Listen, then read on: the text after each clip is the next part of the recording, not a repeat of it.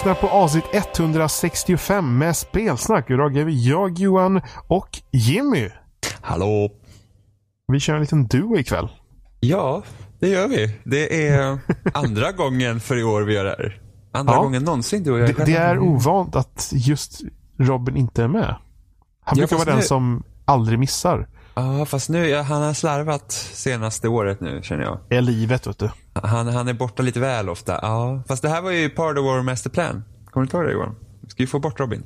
Vi får bort Robin. Ja, men vi försökte ju. Vi försökte Men, men du kan ju inte säga det högt för då hör ju han där om han lyssnar. Nej, han lyssnar inte. Nej. Se, en annan, en annan anledning till att vi måste peta honom. Han bara, Han, han hjälper oss inte att generera nej, trafik. nej eller hur. Alltså, han borde ju ha avsnitten på repeat. Liksom. Det, det, det är Han, mycket förstör, dåligt. han, han ja. förstör min statistik, den jäveln. Ja, alltså vi sitter ju här. Alltså, lyssnarna får vara med på en så här riktig så här kamp. Så här, bakom kulisserna på spelsnack när vi egentligen har olika dispyter och bara så här, det är riktigt maktspel här på toppen. Johan är värst. Nej. Han är alltid värst. Ja, alltid värst. Precis. Därför har vi inte haft några gäster på senare tid för att de har ju börjat få liksom de här eh, dofterna för att vara med i något så här kvalitativt som spelsnack är. Det här är ju liksom så professionell en poddradio kan bli. Ni anar inte vilken planering som går in i de här avsnitten. Vilka listor jag sitter med och diagram och röda trådar. Det är inte så att vi bara sätter oss ner och bara, "Äh, nu kör vi. Det kan inte vara så att folk har bättre för sig att göra. Som vad?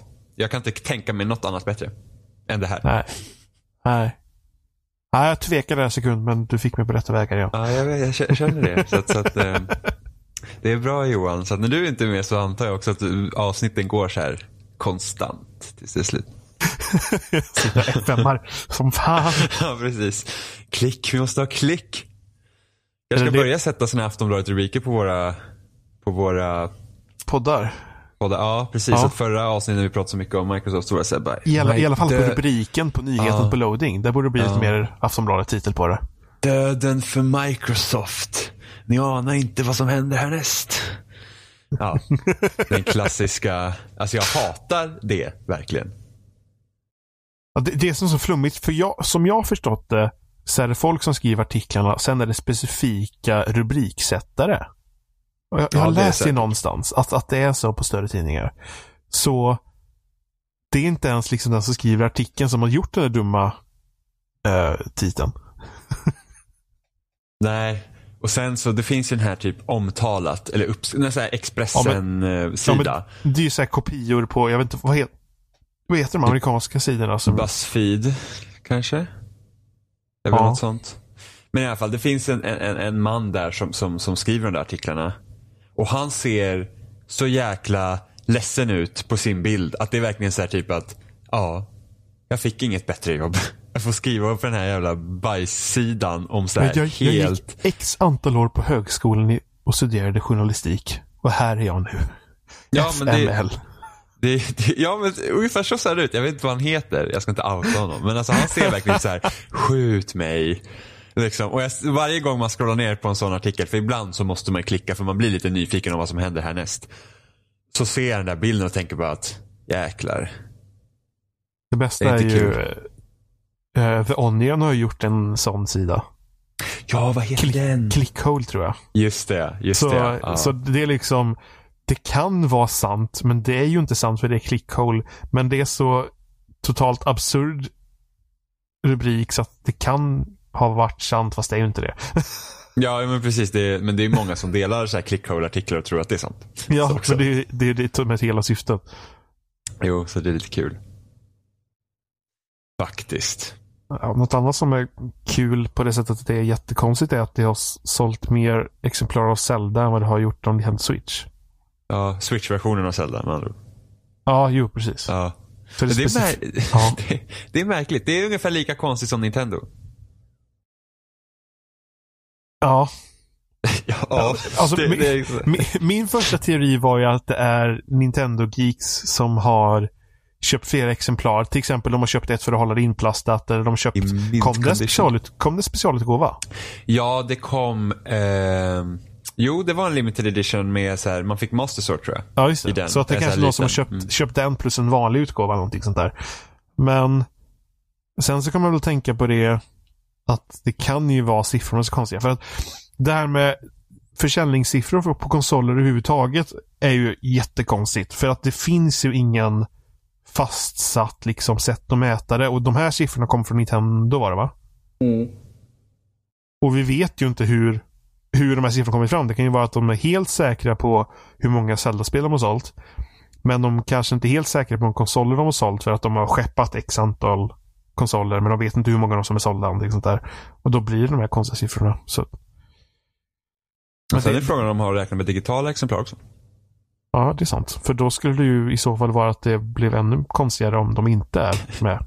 Ja. Då har de sålt ännu mer. Typ att folk köpt både en, alla, fler har köpt en, en fysisk och en digital. ja, precis. Bara för att. Vi måste hjälpa Nintendo! Vi måste hjälpa dem nu! Sitter de där i den här typ Nintendo-gruppen på Facebook och bara Wii, typ så här, Wii U Sverige. Fast de, de heter nog Nintendo Switch Sverige nu tror jag. Ja, de har bytt namn. Ja, Nintendo Oj, Switch oj, oj. eller Wii U Sverige. Jag tror det är en kombination av båda. Alltså jag, jag tänker mig bara så här Wii U som ett eh, sjunkande skepp och så alla bara så här tar typ flaggan och hoppar över liksom. bara shit. nu, nu gäller det abandoned ship typ. Ja. Det är... Ja, nej. Jag, jag har väl inte... Jag har nog, vi har ju varit en del av den typen av fanboism, du och jag. Eftersom vi på ett sätt växte upp på Nintendo. Vi hade prenumererade på Nintendo-tidningar och så vidare. Japp. Eh, Men jag antar att vi har förändrats annorlunda än vad de har förändrats. Ja, det är möjligt. Ja, alltså jag... Men jag tror, du, du, du tar ju inte Nintendo-fanan liksom där och springer ut i, i, i det här uh, konsolkrigsfältet och svingar vilt. Du... Vi är Nej, nog lite mer tveksamma idag. Ja, vi är nog, ja men, ja men vi är ju kritiska mot Nintendo. Vi har till och med fått kritik för att vara för kritiska mot Nintendo. Ja, Eh, eller i alla fall till switchen då. men det är ju lätt att... Det är alltid lätt att bli extra kritisk för när man väl är kritisk så, lyter, så lyter det som, så låter det som man bara är kritisk men man kanske inte bara är kritisk. Men det är så lätt att man fastnar i just det och att det bara är det som hörs. Jo, men så är det ju. Och sen så är det liksom, det är lätt att prata om någonting man inte gillar. Och sen tycker man om någonting, då är det så här, ja, det är bra. Ja, det är bra. Vi hade en lärare, hade en lärare när jag gick i femman. Eh, och hon, var ju, hon sa ju det liksom att det var något som hon arbetade med mycket med. För att det är lätt att säga att när någon gör fel men inte lätt att säga när någon gör något bra. För att då är, alltså när någon gör något bra då är det som det ska vara. Helt enkelt. Ja. Då är det liksom, man anser ju liksom att när något, när något görs korrekt då är det liksom, det är det som ska göras och därför behöver inte det uppmärksammas. För det är så man gör det. och Alltså, gör man fel då måste man ju så rätta har till det. nog, jag hade en, eh, en högskole, både föreläsare, han var nog både föreläsare och eh, kursansvarig tror jag. Och han hade just den synen och han sa det väldigt tydligt att vi poängterar bara om det något är väldigt fel annars så skriver vi inte för att det är onödigt att ge beröm hela tiden. Typ. Jaha. Han, han, var, han, han var ganska bra, förutom att den kommentaren kanske var lite konstig. Ja, men det är bra att lyfta upp något som är bra också så du får liksom känna att du har gjort något bra. För att ibland kan det vara också så att får du inget beröm alls, då är det så här att då, alltså, då, då tror jag det är större risk att man tvekar och, och liksom blir, eh, vad ska man säga, osäker på sig själv. För att du vet, alltså det är så här, okej ingen anmärker på men var det här verkligen bra? Liksom?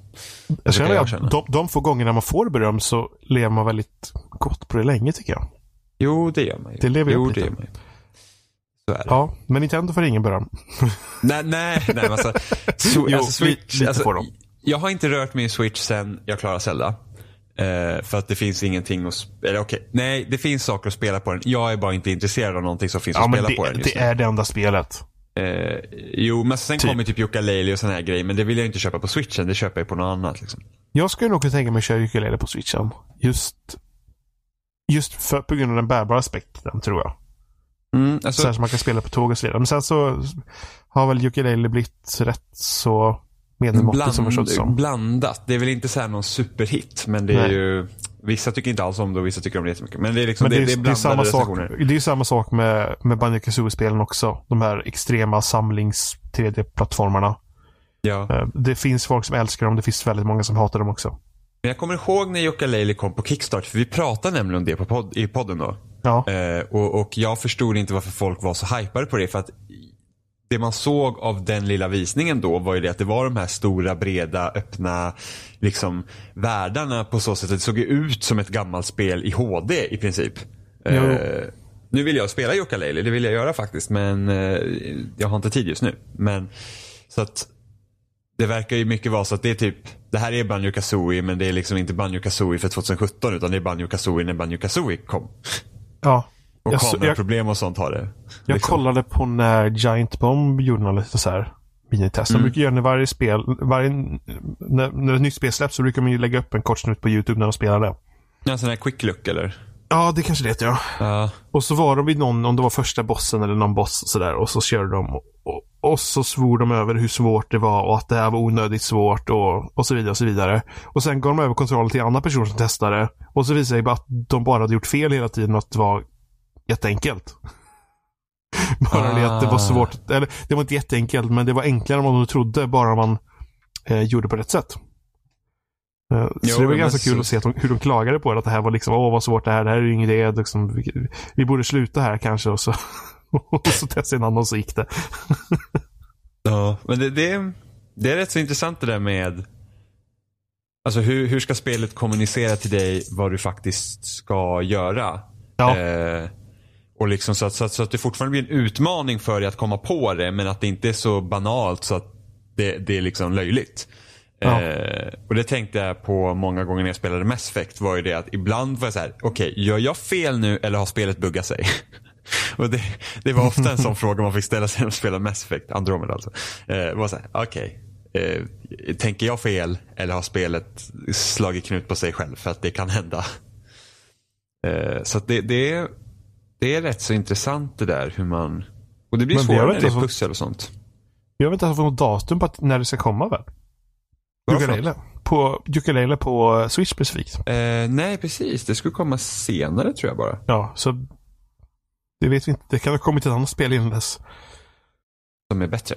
Det ska Ja. komma det här A Hat in Time. Det ska också vara någon typ av 3D Fast det ser heller inte bra ut. Alltså jag tycker det såg mysigt ut när det visat men nu har man Ja. inte sett. Det är ju länge sedan man fick se något av det. Det går, du- att, kolla, det går att söka på YouTube. De har, de har ju haft ett så här släppschema, typ. De har släppt eh, Ah. alfa, alfa det här och beta det här och sådär.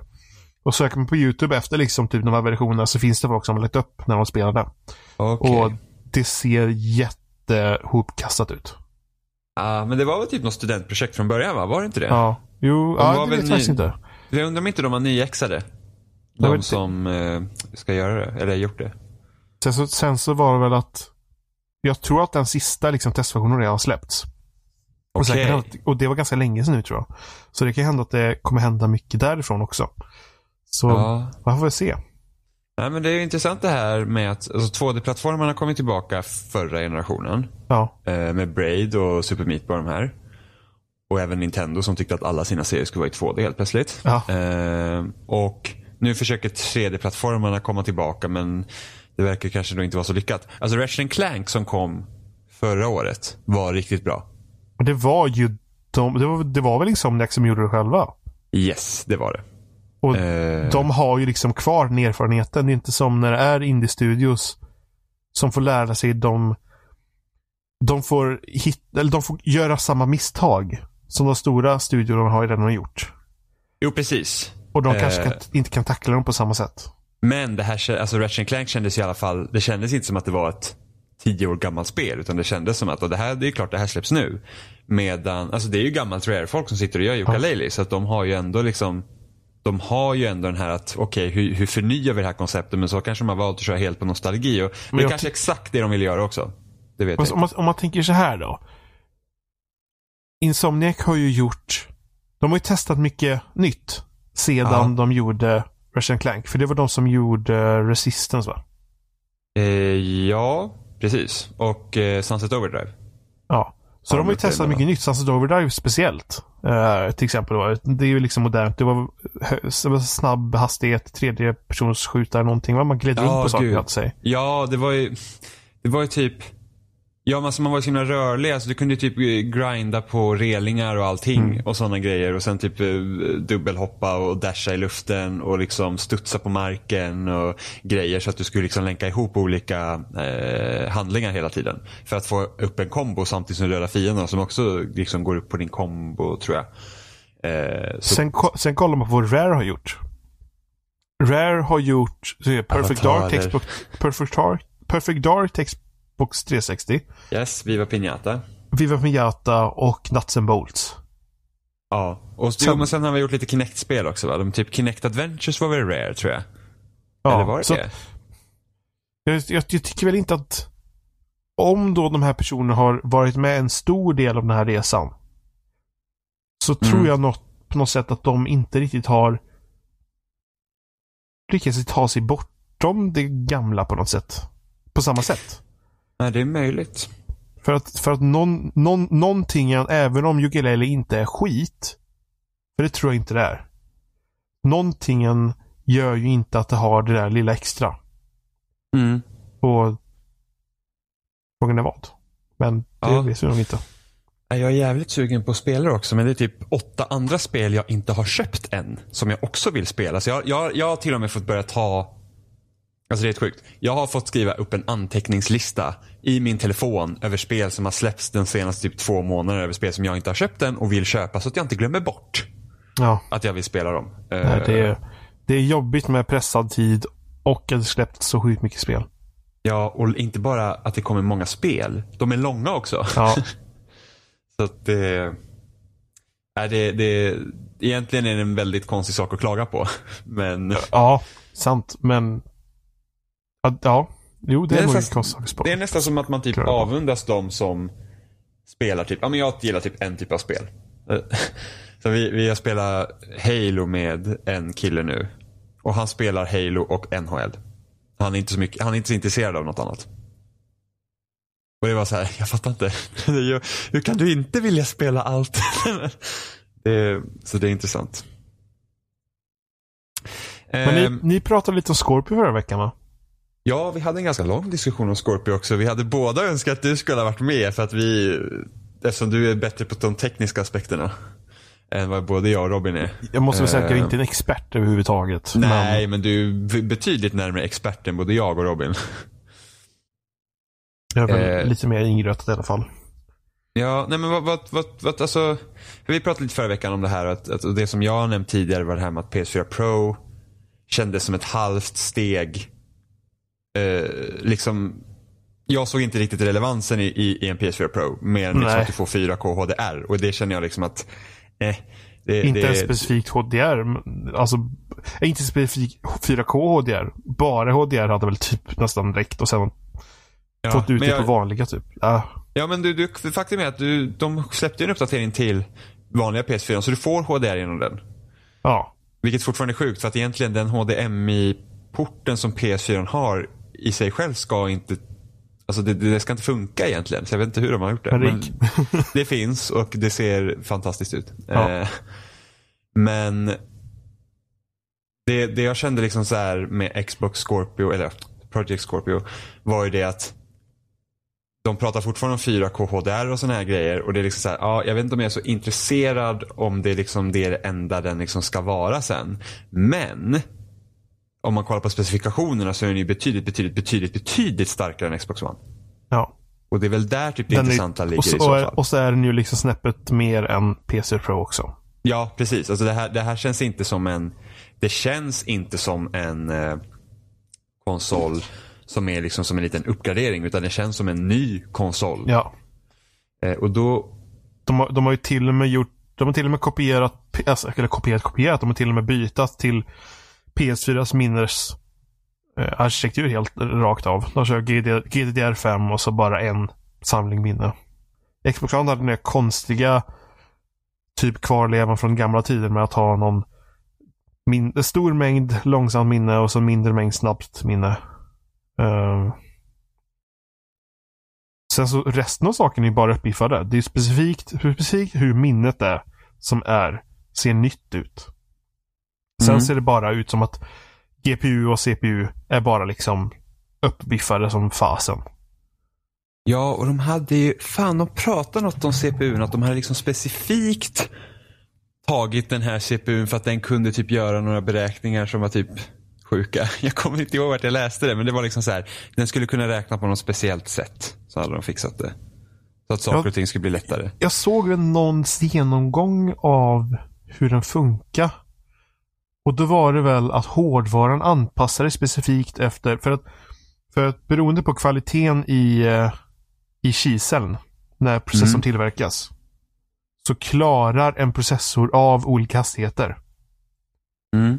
Ehm, och det är typ lite slump, slumpmässigt liksom hur det här blir så här. Och det de brukar göra då är att hitta vad når alla ehm, processorer. Och säga att Ja. alla processorerna når 2,3 GHz då som de har satt som eh, stopp då. Eh, och då sätter man så alla är det, även om en specifikt kanske klarar 2,5 GHz istället. Om jag inte minns fel så var det att de har gjort så att det på något, på något mer dynamiskt sätt eh, testas och att varje ehm, gör så fort de kan. Och att det finns en, det finns en garanterad mängd men har du tur så kan du få en, en, Xbox, eller en Project Scorpio som går snäppet snabbare. Eh, Mm. Så de försöker kräma ut så mycket som möjligt ur processorn verkar som på något sätt. Där har jag läst, eller, kollat på någon som gick igenom alltihopa. Det var ju några ehm, folk på YouTube som fick någon sorts för, eh, förkoll. Mm. Ehm, ja, det... Den verkar ju biffig. Helt klart. Det var, det var någon som hade sagt att var nya Forza, eller något Forza de hade testat, gick i 4K 60 bilder per sekund. Och de hade kraft över. Mm. Det är sjukt. Nu, nu, det här pratade vi om förra veckan också, men då, bilspel är ju, är ju tacksamma att visa upp så här för att de är inte lika krävande. Men de, de ser också bra ut. Ja, Eh, jag är fortfarande väldigt imponerad på en konsol. ja, men vad tror du, om du tittar på specifikationen, vad tror du att den kommer kosta? Eh, vad kostade PS4 Pro när den släpptes? PS4 Pro kostar 4 000. Det är 4 2 tror jag i Sverige. Uh, 5-6 tusen. 5-6 tusen. Ja. Så du skulle säga var rimligt för att den här skulle kosta på Ja, rimligt är ju en Ja, helt nej, men annan alltså, sak. inte för oss utan Microsoft. Om vi säger så här, vi tar bara det här är vad det kostar. Liksom, för att de ska typ tjäna Ja, pengar jag, på jag, det. jag tror det kommer att gå upp i PS3-priser. Mm.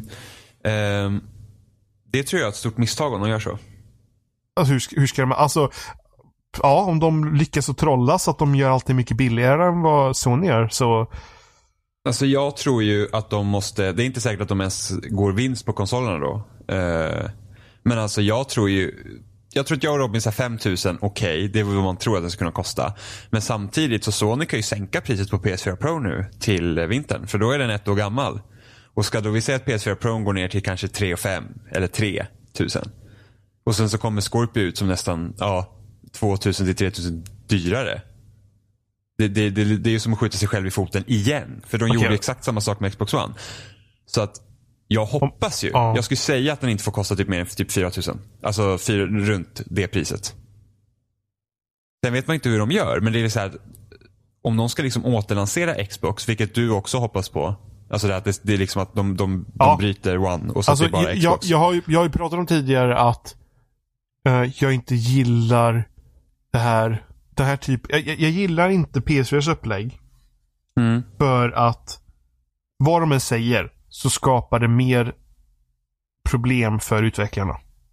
Ja. För det är något så här, de, PS4 Pro och PS4 är något så konstigt mellanting och ska de göra det till PS4, bra, eller PS4 Pro bra så måste de ju fixa för att alla spel skalar ju inte upp till 4K på samma sätt. Utan utvecklarna får typ bestämma det själva och det finns bättre sätt och det finns sämre sätt.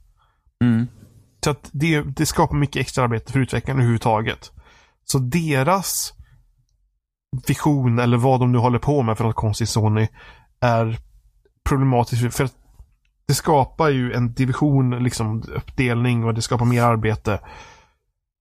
Xbox verkar som att de går åt att göra i princip en dator vid tvn. Mm. Så att du köper en färdig dator vid tvn som är optimerad för softspelande. Och på samma gång utnyttja att det är samma arkitektur på den som på folks datorer. Och släppa så många spel som möjligt på båda plattformarna. Eh, Mm. Och antagligen lyckas göra detta utan för mycket arbete för utvecklarna. Ja, så som jag förstod det skulle det vara inte svårt att porta till Scorpio. Nej, Eh, alltså det är ju princip en dator. Ja, precis. Och sen så sa de att vi redan spelar massa Scorpio-spel. Eh, på PCn. Liksom, Ja. det, det är liksom typ Gears of War 4 på Ultra på PC. Det är liksom vad du kan förvänta dig av Scorpio, typ. Ja, an- och antagligen typ Forza och de här stora. Ja, precis. Eh, då ökar ju spelstorleken också. Så då hoppas jag Ja. att de fixar något system för att du inte, alltså du får välja om du vill ladda ner 4K-texturer eller inte. För att hur kul är det om du sitter på en vanlig Xbox One och så är fan spelen 100 gig stora men du kan liksom Ja. inte utnyttja det mesta av dem. Nej, precis. Eh, Det, det fixar de säkert på något sätt. Um, alltså, jag, jag tycker väl att det verkar som att de går mot ett bra sätt. För de, de verkar bara vilja göra en Xbox-plattform, tror jag. Jag kan Mm. ha helt fel. Det kan för man har absolut ingen aning. Men som, som Men- du nämnde innan så verkar det som att de inte de nämner inte namnet än av en orsak. det är Mm, fortfarande precis. Project Scorpio fast de visar mer om hårdvaran. Ehm, Ja, så jag, jag tror att det är liksom typ en rebranding. Det är, alltså jag tror att de droppar One helt enkelt. Och det blir Xbox. Bara. Och att Xbox blir inte, inte, och att Xbox inte blir, det blir inte specifik hårdvara egentligen. Utan det är, det är deras spelplattform. Mm. Ja, precis. För appen på telefonen heter ju Xbox app.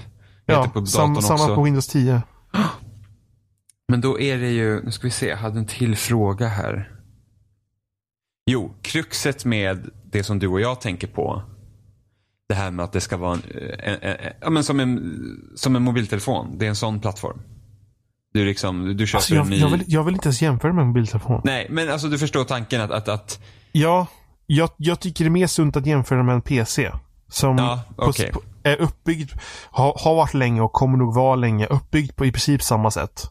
ja, Bara du, att delar av dem blir uppgraderade. Så att, ja, men det är så här då. Så att när, om vi säger att det, det kommer ingen Xbox 2 eller vad du nu ska kalla det, utan Ja. nu är det Xbox. Eh, och när nästa maskin kommer så är det precis som att, ja men, ja, nu uppgraderar jag min PC, då köper jag en ny Xbox. Exempelvis. Ja. Det är den jämförelsen du vill ha? Ja. Ja, för att... Ja, jag, jag tycker att det är mer åt det hållet på något sätt. Fast det kanske är någon skillnad. Jag tror, nej, du har nog, ja, jag vet inte om det är så någon skillnad. Mellan Nej, men, nej, jämförelserna. men, nej men alltså, ja, sak samma. Ja, Eh, för kruxet är, som de sa förra året på E3, var ju det att ingen kommer att lämnas av Project Scorpio. Utan de spelen som släpps kommer fungera både på Xbox One och Scorpio. Och då är frågan, hur länge kommer det vara så? Och kommer Xbox One hålla tillbaka Scorpio? För de säger att nej, det kommer det inte göra. Men jag ser ju liksom inte riktigt hur det ska funka. jag tror att det kommer funka länge. Men det kommer funka sämre och sämre bakåt. Förstår du vad jag menar då?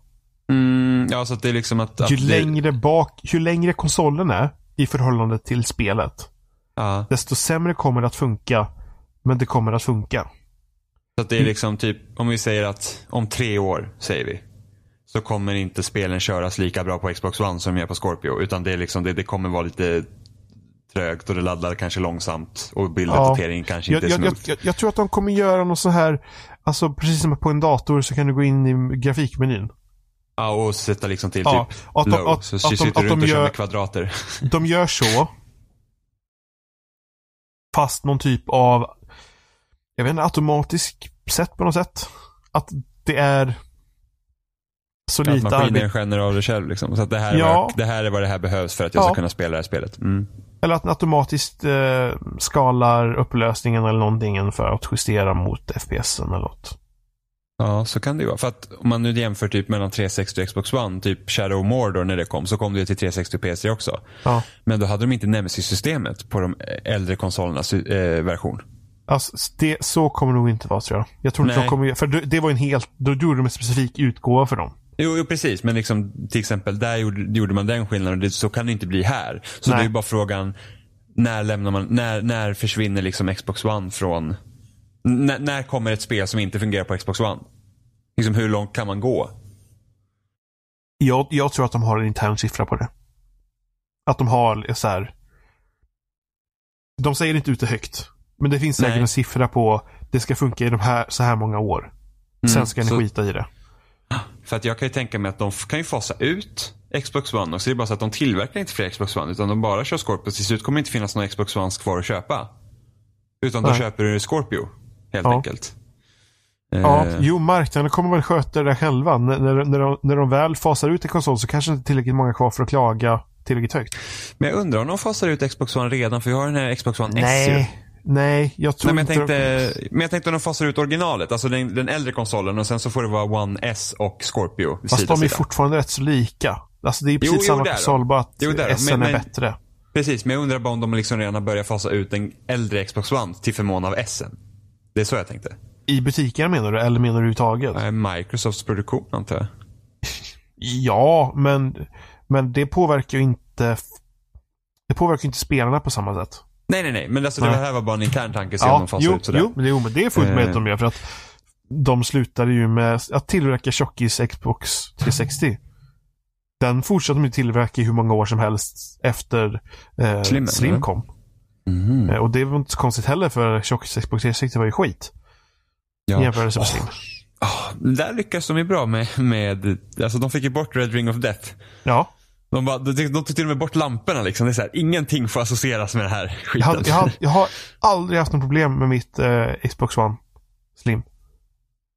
Eh, Det enda var jag irriterad mig på att en touchknapp för skivutgrejen så att jag råkar komma nära den hela tiden. Ja, Ja. Jag har bara haft problem med skivläsaren på mina Xbox. jag är klart. Men jag, jag har inte spelat lika mycket som dig.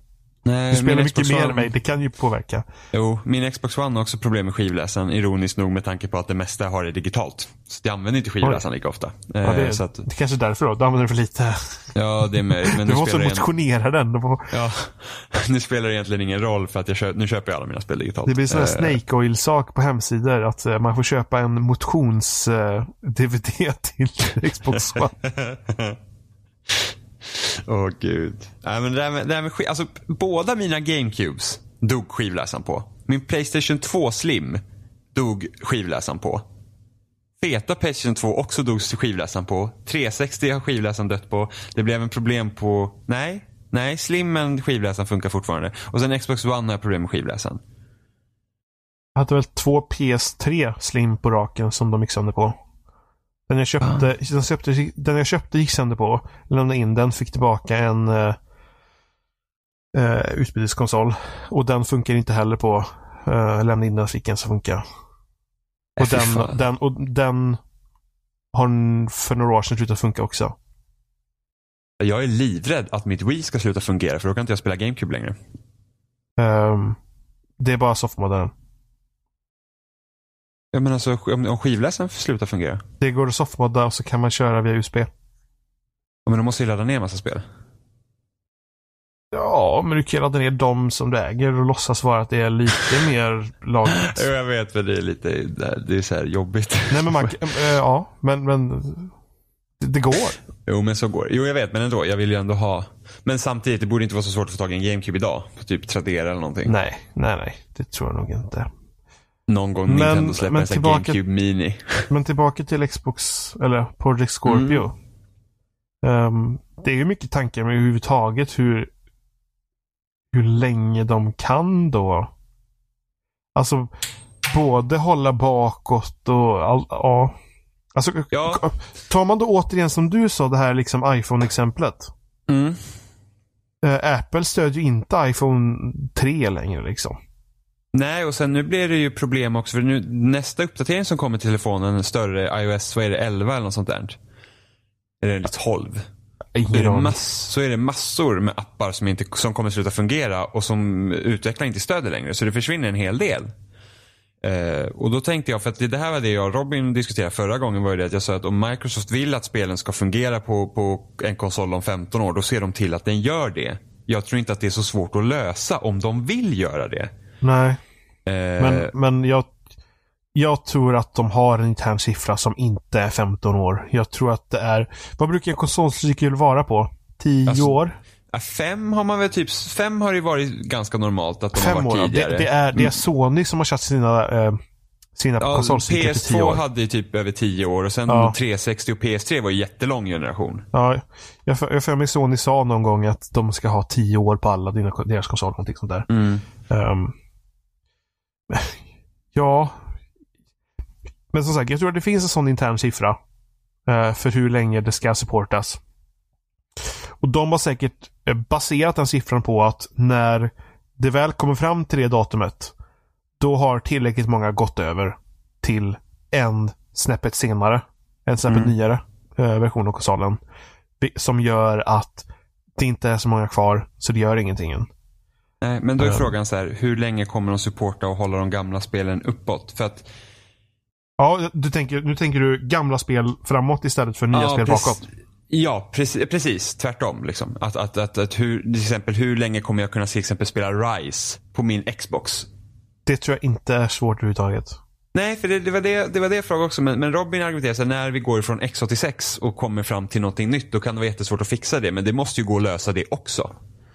Bara så, alltså det är möjligt att Intel kommer att röra sig framåt ifrån X86. eh, X86. Ja. Um, jag hade inte förvånat mig alls om de... ehm, just nu så håller de sig på X86. Och försöker göra det mindre och mindre. Mm. Och mer strömsnålt och, och så vidare och så vidare. AMD, eh, som jag tror är de som gjort både grafikdelen och eh, CPUn både för eh, Sony och Microsoft.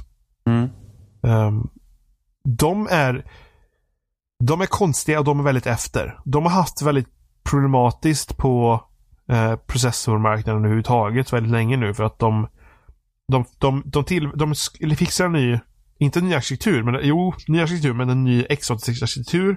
Den floppade och se- jättemånga år nu så har de varit långt, långt, långt efter. Men de tuffar på ändå och jag tror att de kommer fortsätta tuffa på med X86 och försöka göra det så bra som möjligt. När vi snackar om döden av X86 Mm. så är det långt framåt. Men sen om vi nu säger att X, vi kommer på något nytt då. Då Ja. måste man ju ändå kunna porta gamla spel till den nya arkitekturen också. Ja, för Och- de är ju de är på något svartmagisätt lyckats göra det med, med PowerPC. Spel gjorde till PowerPC, alltså Xbox 360. Ja. Och att få dem att funka på, på något jättemagiskt sätt.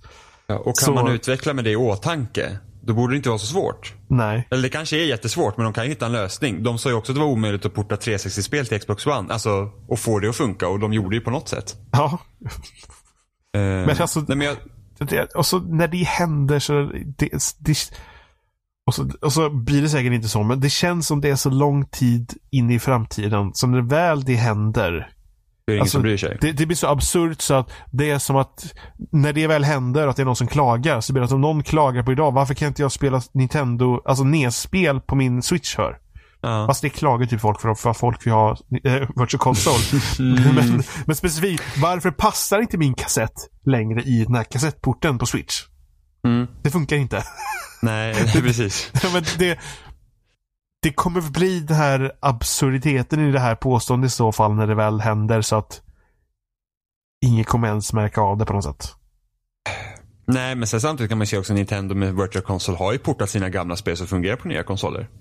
Så att det är ju inte man kan, omöjligt. se, man, kan se, man kan se det så också, ja. Ja, så att eh, det är inte omöjligt. Men alltså det... Men det har ju, det har ju, det har ju tvingats på ett, ett återköp av det då. För de påstår då att det har be, behövs så mycket arbete för att göra det här. Medan på, om man ser på Xbox 360 Xbox One-grejen så har det inte krävt att man köpt spelet igen. Det är helt sjukt egentligen. Alltså hur jävla bra de, de har löst det. Ja, det är Det- konstigt att de inte ens har fått mer... Det är fortfarande folk som snackar skit om Xbox One. Baserat Ja. på de tidiga sakerna när det var skit. Alltså jag är fortfarande så här med all rätt. Ja, Alltså det, det, är Men- fan, det är fan jävligt bra att man påminns om det. Alltså hur jävla vidrigt det var. men det är lite synd också för att de har gjort saker bra. Jo precis. Nej, men alltså, men, det är bara Det att är, lyssna. plus, det är både plus och minus. Det är bara att lyssna på vår podd. Jag tror att vi typ, alltså vi började köra regelbundet igen när Xbox One hade revealats. Ja. Eh, det väl typ avsnitt 11 eller något sånt där. Som går att lyssna på när vi pratar om Xbox One. Jag tror inte någon Ja. var glada. Eh, nej, de har, alltså. En positiv som har kommit ur det är ju att de har skärpt sig ordentligt. Det är liksom, de har gjort jävligt mycket bra saker. Att de sparkar den där snubben och... Don Matrix som fick ta all skit. Ja, det finns så mycket så roliga... det ans, ansiktet för hela skandalen Don Matrix, allt var hans fel. Liksom. Ja, men det var ju så konstigt runt det där med intervjuer och grejer. De bara, ja, Ja, vi har en så konsol för himla- dig till Xbox- Xbox 360 om du har dåligt internet. så himla luddigt. Hur kan man ens säga sådana saker? Överhuvudtaget. Jag, vet, jag kommer inte ihåg om det var han som sa det eller inte. Men, Jo, det var han som sa Ja. det. Eh, Men alltså, det, det så, det är som att ta en pistol, hålla den mot huvudet och så skjuta sig bara. fast han hade ju redan, han, hade, ju- han skulle ju hoppa över till Zynga efter det. Så han, hade, ju- han, liksom, han var ju klar med Microsoft efter det. Det var liksom redan färdigt. Så att han Är fuck it. kvar? Vet inte, men det, var, det, var, det kom jättemånga roliga bilder på det. Det var så här, från ett sjunkande skepp till ett annat. Ja, jo, precis. Um, fan vad jag tänkte på. Jag kommer inte ihåg. Det var synd, för det var nog bra. det, var, det var någon fråga jag hade till här. Eh, ja, men om vi ska vara konsensus så att om de vill få gamla spel att fungera för 25 år in i framtiden på nästa, på den Xbox som kommer då så liksom är det inte omöjligt. Nej, men, alltså, s- Borde inte vara det. nej, jag, jag- alltså, jag tror inte ens... Jag, jag, först, för det första tror jag att X86 kommer att vara kvar länge. Och att sättet som konsolerna kommer omformas framåt inte kommer vara tillräckligt stort för att det ska skapa några problem. Nej, för att tekniken borde vara så avancerad att det inte borde ens vara jobbigt för dem att fixa det. Nej, jag Eller? tror det, kommer, det borde typ bara funka. Ja, Så länge som, så länge som uh, operativsystemet då och hur det gör saker håller sig samman. Alltså typ, och, och där är de baserade, de, eh, Xbox One har väl samma grund som Windows 10 nu som man förstått det som. typ. Ja, de, de, de säger det här i alla fall. Mm. Och att och om de nu har då det och att de aldrig ska sluta med Windows 10 som de påstått. Eh, jag vet inte, jag, jag tror det kommer att tuffa på länge och när det väl slutar tuffa på så kommer ingen bry sig. Mm, Så tror ja, jag. Jag, jag, tror- jag tror det kommer funka så långt så att när det väl slutar funka så är det ingen som reagerar. Ja, men då så. Då är jag nöjd. jag, tar, jag, jag tar ett rätt till mig där. Det, här är ju bara en otroligt vild liksom, gissning. Nej, Johan säger han vet allt. Det, det är så det kommer att gå till. Ja. Så är det. Jag tar upp min hatt annars, som jag inte äger. Ja, du kan få äta upp en hatt. Jag äter inte upp en hatt. Ja, nej, nej, men det här, det här gäller bara mig och Robin. Ja, okej. Robin kommer inte heller äta upp någon hatt om han, eftersom Men han då, har då fel. ska säga men så här då. Jag förstår Robins reflektion. Så får du inte säga. Nu blir det inte roligt längre. Jo, jo, nu måste jag vända Jo, åt det hållet också. Jag jo, förstår jo, Robins men- reflektion för om den här övergången till en framtida magisk sak bortom X86 kommer tidigare än man tror. Då kan det bli problem, eller?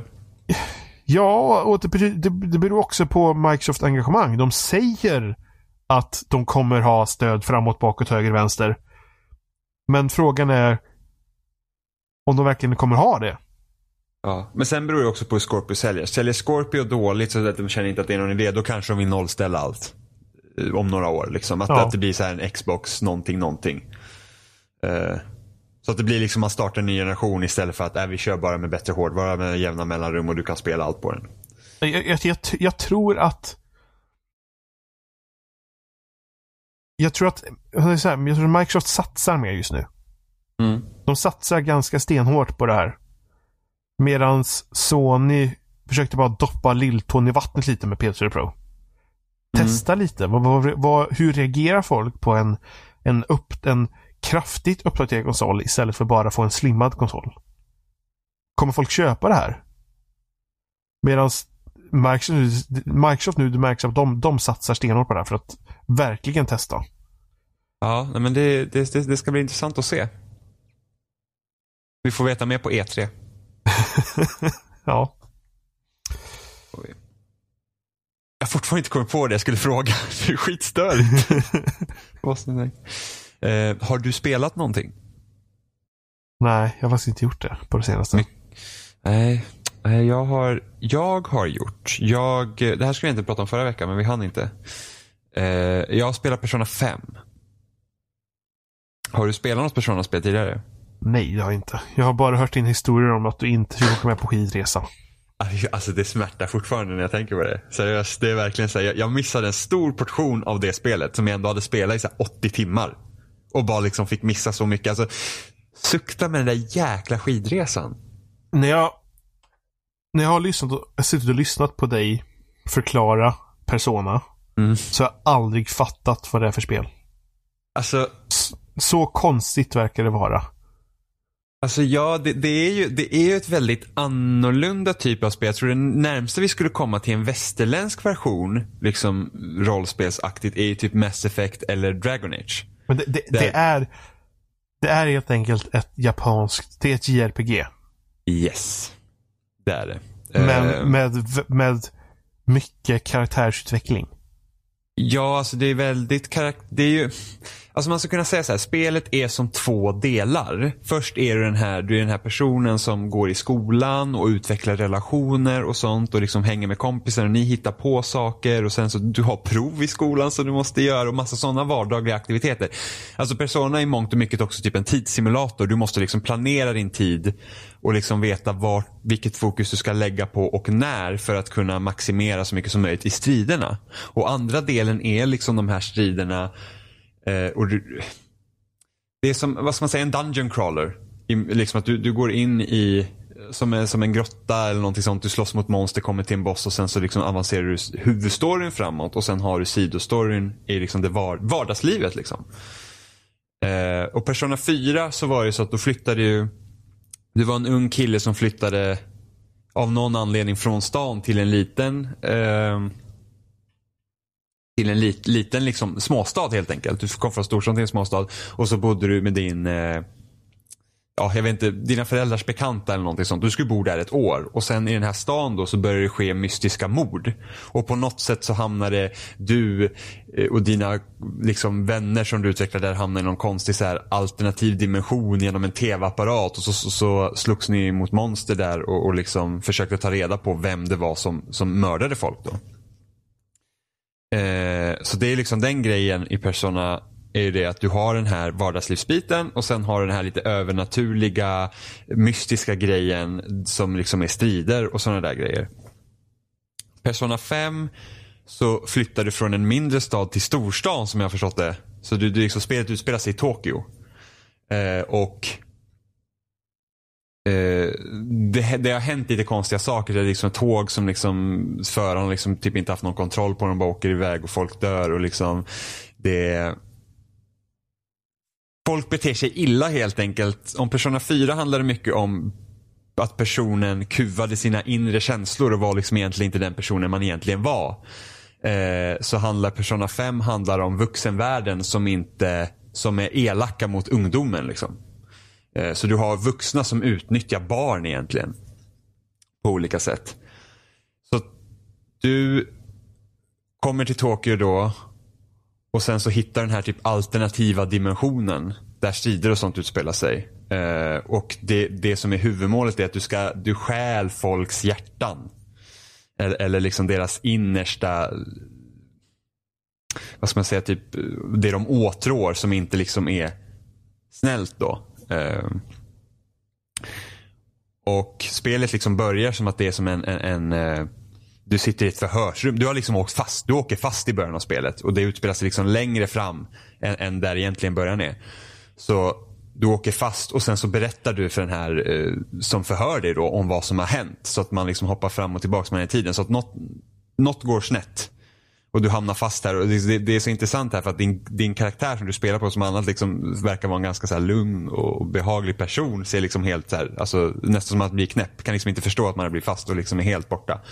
Och sen så berättar man då för den här polisen vad som har hänt. Och det är det man spelar helt enkelt. Eh, och hur striderna fungerar i Persona, det är nästan lite som Pokémon-aktigt. Du samlar liksom monster och sådana grejer, som du använder, alltså personas som du använder i striderna. Eh, och, och den karaktären du styr kan använda olika personas medan dina medkumpaner då, eller kompanjoner, kompisar, de har bara en persona var. Och då fångar du de här monstren och sen så har de eh, olika beteckningar inom vilken typ, vilken typ av monster det är. Ja, men du vet som i Pokémon Ja. så är det vatten, eld och sådana här grejer. Och, och i Persona kan det typ vara så här Justice, Love, eh, Fool, Jester, sådana grejer. Eh, och varje person som du har en relation med i riktiga världen är knuten till en av de här eh, olika typerna. Så det finns liksom en person som har death. Och sen genom att umgås med den här personen och, och liksom levla upp dens social links kallar de det. Så blir också dina monster starkare. Så du kan liksom eh, när du du kan liksom para ihop olika personas också. Så du, det finns liksom ett helt sånt system att, att liksom kombinera dem för att skapa nya monster. Och beroende på vilka social links du har då så gör, blir de monstren starkare. Så gör jag liksom en, ett monster som då har eh, death som beteckning och jag har en bra relation med den personen som har death. Då kommer jag få bonus XP när jag gör en ny persona mm. exempelvis. Så att det är liksom, de har integrerat vardagslivsdelen med monsterdelen väldigt bra. Och som många gånger känner, liksom, men typ ta Mass Effect till exempel. Man känner liksom att det finns liksom ingen mening med att springa runt och döda de här, de här monstren. Det är liksom de, och sen systemen med att man, man pratar med människor. De två systemen känns ganska bortkopplade med varandra. Medan i Persona så är de väldigt, väldigt sammanlänkade. Men samtidigt känns det som två olika delar. Och de har också lyckats eh, göra det så himla bra med att du blir aldrig trött egentligen på någonting. För att om, känner du att nu att du har pratat väldigt mycket med människor, du liksom har gått igenom liksom skolveckan och du är liksom inte, för att du, du kan spela flera timmar utan att slåss. Och känner, ja men nu, nu, nu liksom börjar jag bli redo på att, på att slåss mot monster, då kan du göra det. Och så kan du vara där och grinda levlar i ett par timmar. Och sen, så, så, så de delarna kompletterar varandra med Jag tänker lite bra. på att det är en typ normal värld och så är det någonting separat. Bredvid det här, då tänker jag på typ Digimon. Kollar du någonsin på Digimon? Jag kollade inte på Digimon, men jag, jag känner ja, igen konceptet. Ja, där var det någonting sånt där. Att de gick in i en dator tror jag. Men det är ju att det är, det, är en vanlig skola, men de här, tar sig in i det där. Men där var nog väldigt lite kopplingar mellan dem. Uh, mm, nej, här är det ju allt ja. inte, alltså det är typ man skulle nästan kalla den här typ meta-universumet som ligger liksom vid sidan av, det är människors undermedvetna. Ja. Och eh, ni som har personas då kan röra sig mm. mellan de här dimensionerna. Eh, och påverka. Så det är liksom för att, ja men möter du, för det är ju en person som liksom blir bossen i, i, i ett palats. Alltså grottorna kallas palats i det här spelet. Eh, och den personen vet ju inte om att när ni träffas där. Men det gäller, man försöker liksom förändra dem inuti. Eh, för att, för att liksom få dem att erkänna det brottet de har begått. Vad, vad, vad är nytt sen förra spelet då? Eh, jag tror den största förändringen är hur de har utformat grottorna. Eh, I Persona 4 så var det så att då var de Alltså de var liksom random-genererade eh, när man gick in. Så att, så att, om man måste gå in och ut ur, ur, eh, ur grottorna då och då, som man ibland måste göra om man måste köpa ny armor eller, eller nya vapen och sådana grejer för att man känner att man inte är tillräckligt stark. Så blir det liksom nya Liksom det, det är nya rum helt enkelt i Persona 4. I Persona 5 så känns de nästan som tempel från typ Zelda. De är liksom redan färdiga. Och sen så gäller det dig för bara att ta dig liksom längre in. Så att, så att de ändras inte på det sättet. Eh, det finns en sån grej i spelet som, som kallas memento. Så där typ gör du sidouppdrag. Eh, för det kan finnas några sådana här men sådana som inte är riktigt så big shots som är typ fullständigt eh, korrupta. Som bara har något litet i sig och då åker man in i memento. Så där är det mer som klassiska persona. Då är det liksom random genererade grottor och så ska du försöka hitta den här personen och, och rena dem helt enkelt. Så att de inte är korrupta längre. Eh, så det är den största skillnaden. Sen är stridssystemet flyter på lite bättre och eftersom du då är tjuv i det här spelet så, så baseras striderna mycket på att du liksom stältar. Eh, det gäller att komma bakom dem och så gör man ett ambush på dem och så, kan man, så ska man försöka liksom få ut dem på en gång. Så snabbt som möjligt för att det, fi, det, det du kan göra mot fienden kan fienden göra mot dig. Så att praktiskt taget om en fiende skulle komma upp typ dig i ryggen och slå dig så skulle den kunna ta ut dig på en gång innan du inser göra någonting för att den har attacker som är eh, supereffektiva ja. på dig. Och när man gör en sån attack så, så, så, så stannas den eh, personen eller fienden då. Och gör man så på alla fiender man möter så får man göra en så här all out attack och oftast så dödar man alla fiender i ett slag. Så, så att många gånger när du går in i en strid så kan du döda fienden utan att de ens rör dig. Eh, så det är liksom den den största skillnaden. Och i Persona 4 fanns det också ett system att man kunde gå bakom dem men det var, det var inte riktigt lika följsamt som det här är. Eh, sen är det lite mer styrt också. Jag är snart 30 timmar in i spelet och jag känner fortfarande som jag bara liksom typ skrapar på ytan på det. Och då är det inte på samma sätt som typ Mass Effect. Mass Effect blir man trött på. Det här jag, jag liksom får ha riktigt kul. Alltså tid, tiden bara flyger iväg när man spelar. Eh, men att jag känner att jag har inte lika mycket Alltså mellan skoldagen och sånt. Jag känner att jag har inte lika stora möjligheter att, att göra det jag vill göra som i Persona 4. Det kändes mer friare. Eh, men samtidigt börjar jag först nu komma till de delarna som jag riktigt, riktigt tyckte om i Persona 4. Det här med att när alla karaktärer gör någonting tillsammans. Men liksom, som det jag gjorde nyss så var vi på någon så klassresa till exempel. Eh, till något tv-bolag. Och liksom, då, då, fick man liksom göra grejer där. Och sen så hade vi någon middag efter det tillsammans. Där liksom karaktärerna integrerar med varandra. Och det är såna, det är de händelserna som är de roligaste i Persona. Eh, så nu börjar jag liksom komma till det att jag har fått upp liksom ett karaktärsgalleri och de börjar känna varandra och jag börjar känna karaktärerna. Vilket gör att det blir så himla mycket intressantare. Så att eh, det, det, det är liksom nu, nu börjar det liksom dra igång på riktigt så här 30 timmar in. Men det har liksom varit bra fram till nu också så det är, det är ingen fara. Så. Eh, men inte lika bra som Persona 4 än känner jag. Jag kände att mordmysteriet i Persona 4 var betydligt intressantare. Det drog in en snabbare än vad Persona 5 har gjort. Eh, och jag ser väl inte riktigt vad slutmålet än är. För i Persona 4 var det så här, vi ska hitta mördaren. Medan här är det så här, okej okay, vi ska rena folks hjärtan. Men vad är liksom, vad är the end goal så att säga. Eh, så det, det lär väl uppdaga sig om, en, och liksom, om några timmar. Liksom, vad, vad faktiskt spelet ska gå ut på till slut. Eh, sen är ju spelet så himla snyggt. Alltså det har ju en väldigt distinkt stil. Och de liksom kör ju, de, det är väldigt liksom, de kör med det ganska liksom stenhårt verkligen. Det här röda och svarta temat. Jag vet inte om du har sett någon trailer till det? Jag tror jag, tror jag kollar på eh, någonting men jag kommer inte ihåg tillräckligt mycket. Ja, nej men det är liksom temat är typ att om man säger så här. Allt som är bakgrunden är liksom rött och sen skuggorna är liksom svarta. Och, och liksom Ja, alltså det är tre färger. Det är svart, mm. rött och vitt liksom. Eh, på den trailern. Så det, det temat går ju hand om, även fast inte spelet sen ser ut så. Du vet, har du spelat Catherine? Nej. Nej, har du, men har du sett hur det ser det. ut? Ja, men det, det, är liksom samma grafiska stil ja. på det här då. Och det var också en grej jag var orolig för innan. För att, för att Persona 4 kändes att, du vet, jag spelade på vitan och, och liksom det var mer den här typ nästan chibi-stilen. Alla karaktärer såg liksom små ut. För det är ju ändå ett PS2-spel ja. från början.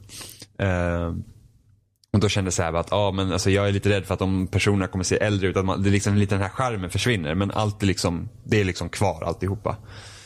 Uh, så att det är väldigt trevligt. Alltså jag tycker det är väldigt, väldigt bra. Uh, spelet hittills.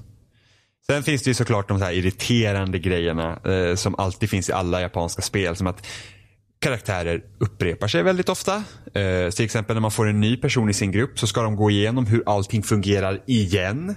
Liksom det är så här att men jag vet hur Mementos fungerar, jag vet hur Palats fungerar, jag vet vad vi behöver göra. Så jag behöver liksom inte läsa den texten igen. Utan det får de ju försöka lösa på något annat sätt. Och tycka typ att ja, men vi ska berätta vad, vad det här går ut på. Svart skärm och sen så vet den personen det. Och sen kan väl den säga vad den tycker om allting.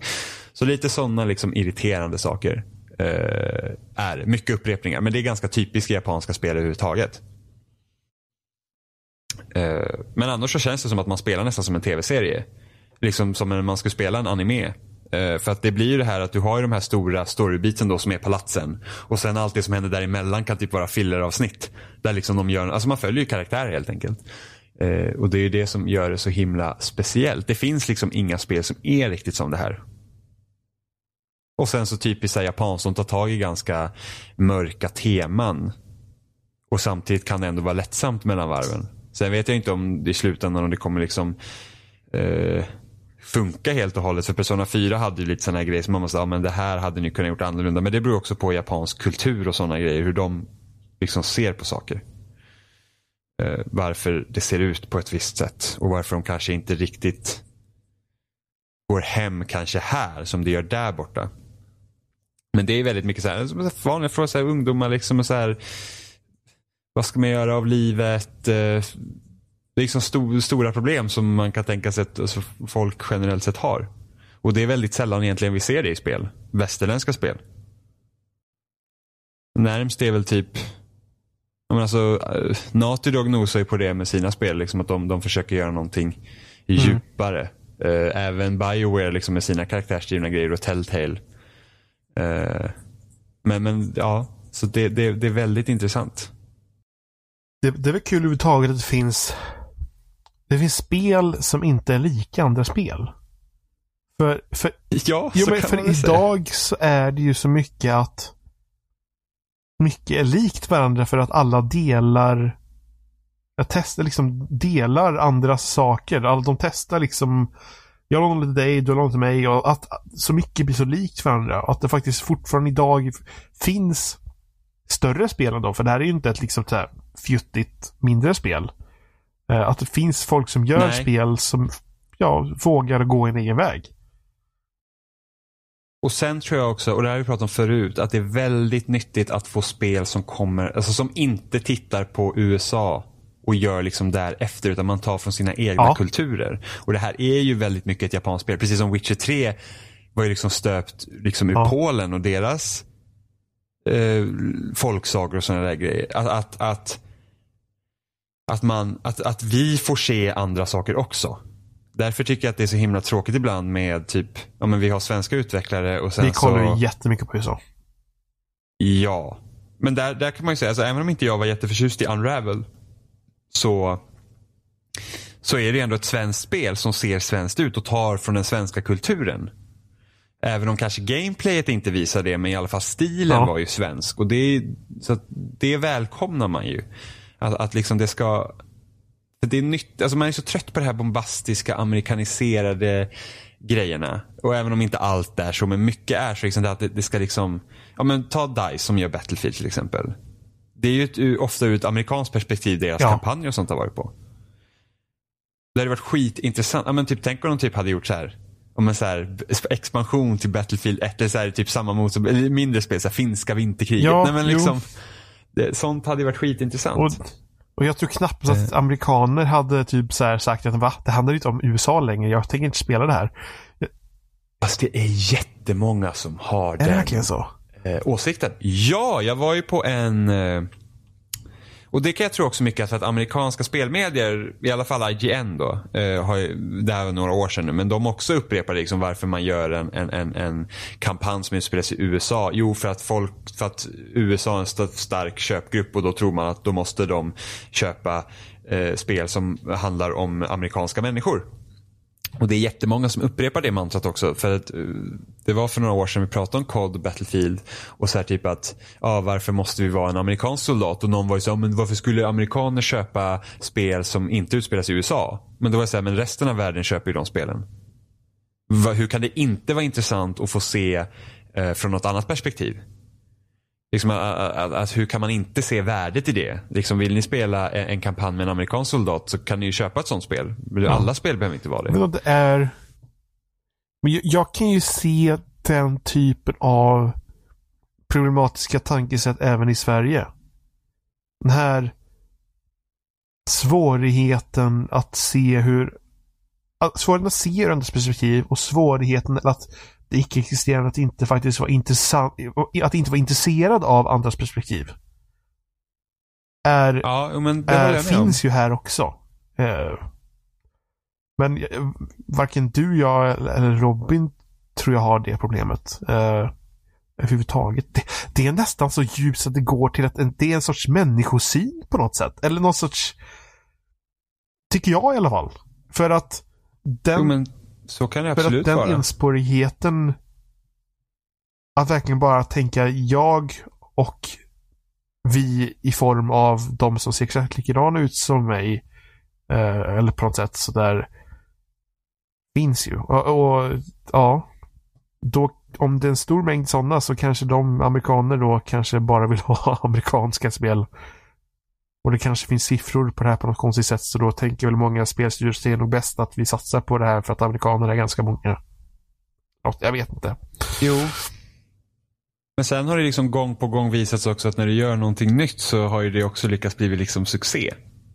Ja, för det intrycket att amerikaner då kanske är så enspåriga kanske bara är en högljudd minoritet också. Och sen är det tror jag det är lätt att bli hemmablind. Ja. Eh, därför, därför tycker jag det är kul liksom, att det, det börjar komma, alltså att det kommer upp nya studios Um, som uh, ja, men från olika länder. Så det finns ju typ utveck- alltså, jag vet att spelutvecklarscenen i Indien tror jag ökar. Det har varit skitintressant att liksom få se något större spel därifrån. Liksom, som kommer ut liksom med, uppmärksammas av media. Och sen Latinamerika och Sydamerika har flera stycken. Och sen så Spanien har ju ett par studior. Uh, nu ska vi se, vad heter de? Jo men de som gör Rhyme till exempel. De är ju spanjorer. Kommer från Spanien. Uh, nu är ju nu är inte Rhyme ser inte Rhyme ut att vara ett spel som tar sig jättemycket från kanske spanska kulturer och sånt. Uh, som till exempel Persona tar mycket från Japan. Och sen Japan är ju ett stort land för spel också. Så det är liksom inte som att det är nytt för oss att få ett, ett spel som har japanska drag i sig. Men det är också en grej som är så himla intressant att man sätter spel i vår verklighet och kör liksom ett, ett fantasy-tema på det lite. Eller sci-fi kan man väl kanske också mm. kalla det, jag vet inte. Eh, för att Persona är så att det utspelar, det utspelar sig i vår riktiga värld. Det utspelar sig, ja men, det skulle kunna utspela sig ja. i år liksom. Det är, det är ungdomar som, som har. Och sen så kom det här, det här jättepopulära D-spelet, The World's End With You, var ju också sånt som utspelar sig i Tokyo under nutid liksom. Eh, så det är jätteintressant. Jag undrar hur liksom, om vi nu kan tänka, hur hade Bioware utvecklat ett, ett RPG som utspelar sig i nutid? Det hade ju också varit skitintressant. Och det här är ju något som egentligen David Cage gör. Han sätter ju sina spel i nutid. Eller nära framtid.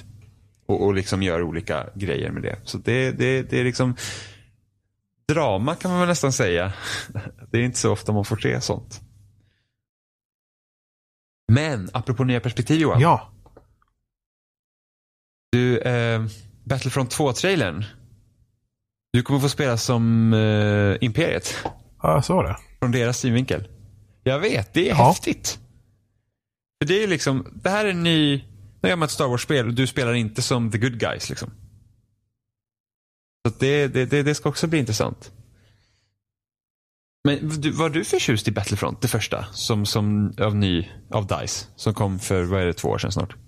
Jag har väl spelat nå, jag har väl spelat kanske, jag har inte spelat mycket. Jag skulle säga att jag har max att spela kanske tre, fyra timmar.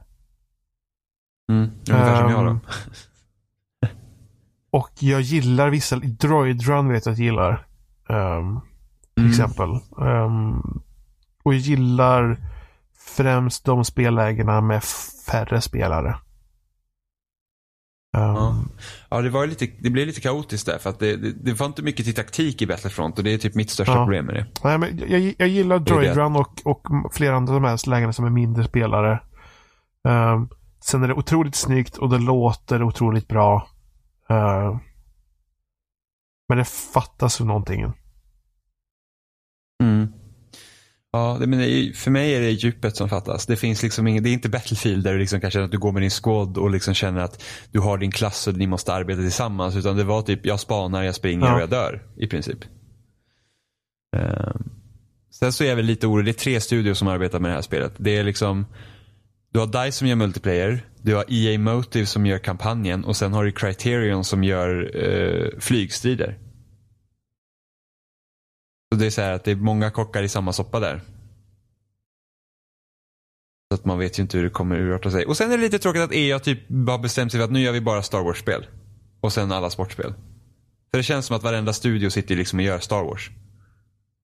Ja. Du har, nu ska vi se, vi har, vi har det med Amy Henning som kommer. Eh, som är med Jade Raymonds nya studio tror jag. Som gör ett Star Wars-spel. Det var det vi fick se en liten teaser av det tror jag förra E3. Och sen har vi det här Battlefront 2. Sen Dead Space-utvecklarna eh, sitter och gör ett Star Wars. Eh, Titanfall-utvecklarna sitter och gör ett Star Wars. Och så sitter Criterion och DICE på Star Wars. Jag skulle fan vilja ha en reboot på Dead Space alltså. Jag tänker efter. Det hade varit nice. Kommer aldrig få säkert. Nej, men det, det, det, det är ju bara en, vad ska man säga, teatralisk titel. Eller, eller trailer menar jag. Uh, som vi sett. Ja. Um, men just jag, vet inte, jag tror inte det hade spelat någon roll om det hade varit en gameplay-trailer inte för att uh, DICE spel levererar alltid både på ljud och grafik, tycker jag. Uh, Speciellt om man tänker, speciellt Battlefront och framåt, för, och Battlefront och Battlefield 1 för att de har gjort någon svart magi som gör att deras spel ser otroligt snygga ut och de kräver relativt lite från hårdvaran. Uh, ja, det, är, det är helt uh, sjukt. Alltså, hur snygga de spelen alltså, är. Battlefront på låga grafikinställningar ser snyggt ut. Det är nästan så att man av ett otränat öga inte ska se skillnader på lägre inställningar och högre inställningar för att det, de, de har lyckats. Eh, de, de har nog mycket så att de, de luras att det ser snyggt ut. Men de, ja, de gör nog på, de har nog gjort det på väldigt smart sätt tror jag. Eh, på hur det fungerar. Så att jag tror inte det spelar någon roll om det hade varit en gameplay-trailer för att liksom, det ser snyggt ut. Och det här såg snyggt ut. Eh, och just det som du själv noterade ju det här att det är intressant att se ur uh, Imperiets perspektiv. Så var det nog smartare att mm. locka intresse med en uh, med en mer trailer av den här typen helt enkelt. Att det är mer story-drivet på något sätt. Frågan om de kommer fokusera på kampanjen på E3. Jag vet inte, det är väl så de brukar göra med Battlefield va? De kör kampanj, äh, nej Battlefield 1 gjorde de annorlunda ja. med. Men ofta, typ Battlefield 3 och 4 tror jag var så här, de hade, reveal var kampanj, så visade de kampanj på E3 och sen typ multiplayer senare tror jag det är. Eller så visar de kampanj på E3 och sen har de en liten multiplayer också. Det är svårt inte att veta. Alltså det är svårt att gissa i förväg så här, för att ja, Speciellt jo, för att sant, de sant. har ju haft jag tror att DICE och EA med de här spelen har haft lite problem. Eh, på något sätt för att, att skapa den typen av intresse som de vill skapa. Eh, så jag, jag, tror de har de har nog testat sig lite fram och tillbaka den senaste tiden. Eh, för vilket upplägg de ska ha i, i press och pressvisningar och så vidare. Så jag, jag, mm. det är mm. nog svårt att basera vad de kommer göra på vad de har gjort, tror jag. Jo, det är sant. Min förhoppning till nästa Battlefield är egentligen att de ska typ skippa kampanjen helt. Ja. Det var... Och liksom så här, lägg fokus och energi på annat. Det var en av de sakerna jag tyckte var uh... bra med Battlefront. På det sättet. Det har ingen kopplat. Ja, precis. Exakt. Uh, inte, alltså kampanjen i Battlefield 1, alltså upplägget var jättebra, alltså det de hade tänkt på. Men sen, det är bara, det är bara inte kul mm. att spela. Det är det som är problemet. Jag vet inte, det är någonting med hur DICE gör shooters som inte passar i den kampanjen ja. de vill göra. Det är liksom, det är upp, alltså, de tänker COD, typ. det är mm. så snabbt. Och liksom det, det flyter på. Nu tycker, nu tycker jag att de senaste COD-kampanjerna jag har spelat sedan Modern Warfare 2 inte har varit speciellt bra. Alltså, jag gillade inte eh, Infinite Warfare och Advanced Warfare var ju helt, det var okej okay, men det var ju liksom inte, det är inte Modern Warfare 1 och 2. Eh, och men det, det, det i alla fall känns bra att spela. Och Battlefield-kampanjerna, alltså det, är mycket långsammare upplägg i, i multiplayern och hur karaktären rör sig och, och, och, hur man använder vapen och sånt. Att det, är liksom, det klaffar bara inte med, med deras kampanjer de gör. Det, det, är svårt att sätta exakt finger på vad, men, men hur, känslan i att spela spelet passar liksom inte. Det, det är märkligt. Är det. Jag har, eh, jag har nog inget att tillägga faktiskt. Nej, ja, det blir nog klara för idag där helt enkelt. Ja. Persona 5 är bra. Scorpio är spännande. Battlefront 2 kan bli bra. Nintendo-siffror är flummiga. Typ ja, just det. Ja, Nintendo är lika konstiga i sina försäljningssiffror som de är som företag. Inget nytt under stolen där inte. Eller säger man stolen? Solen? Vad säger man? Inget nytt under solen. Det är så man säger va? Jag sa stolen. Det är sak samma. Det kan betyda samma sak. Du kan ha en jättestor stol istället. Ja. Um...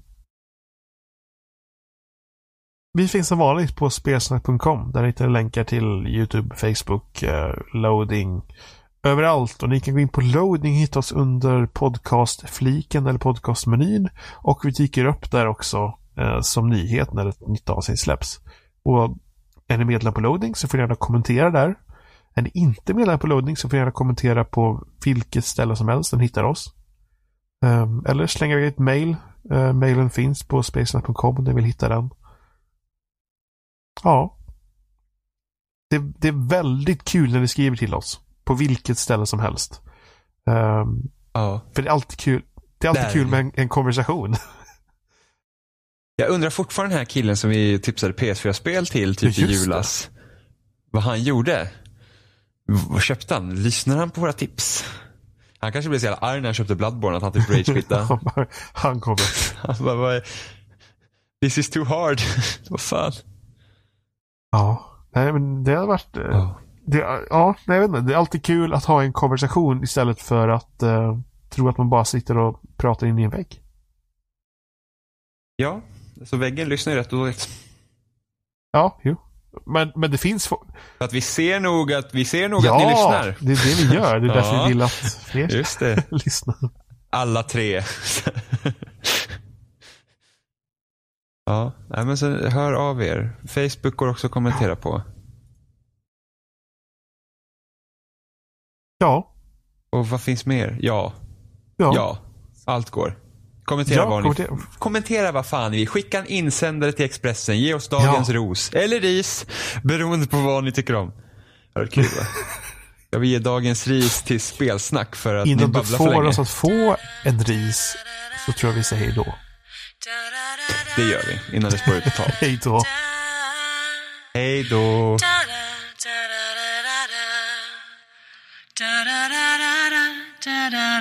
In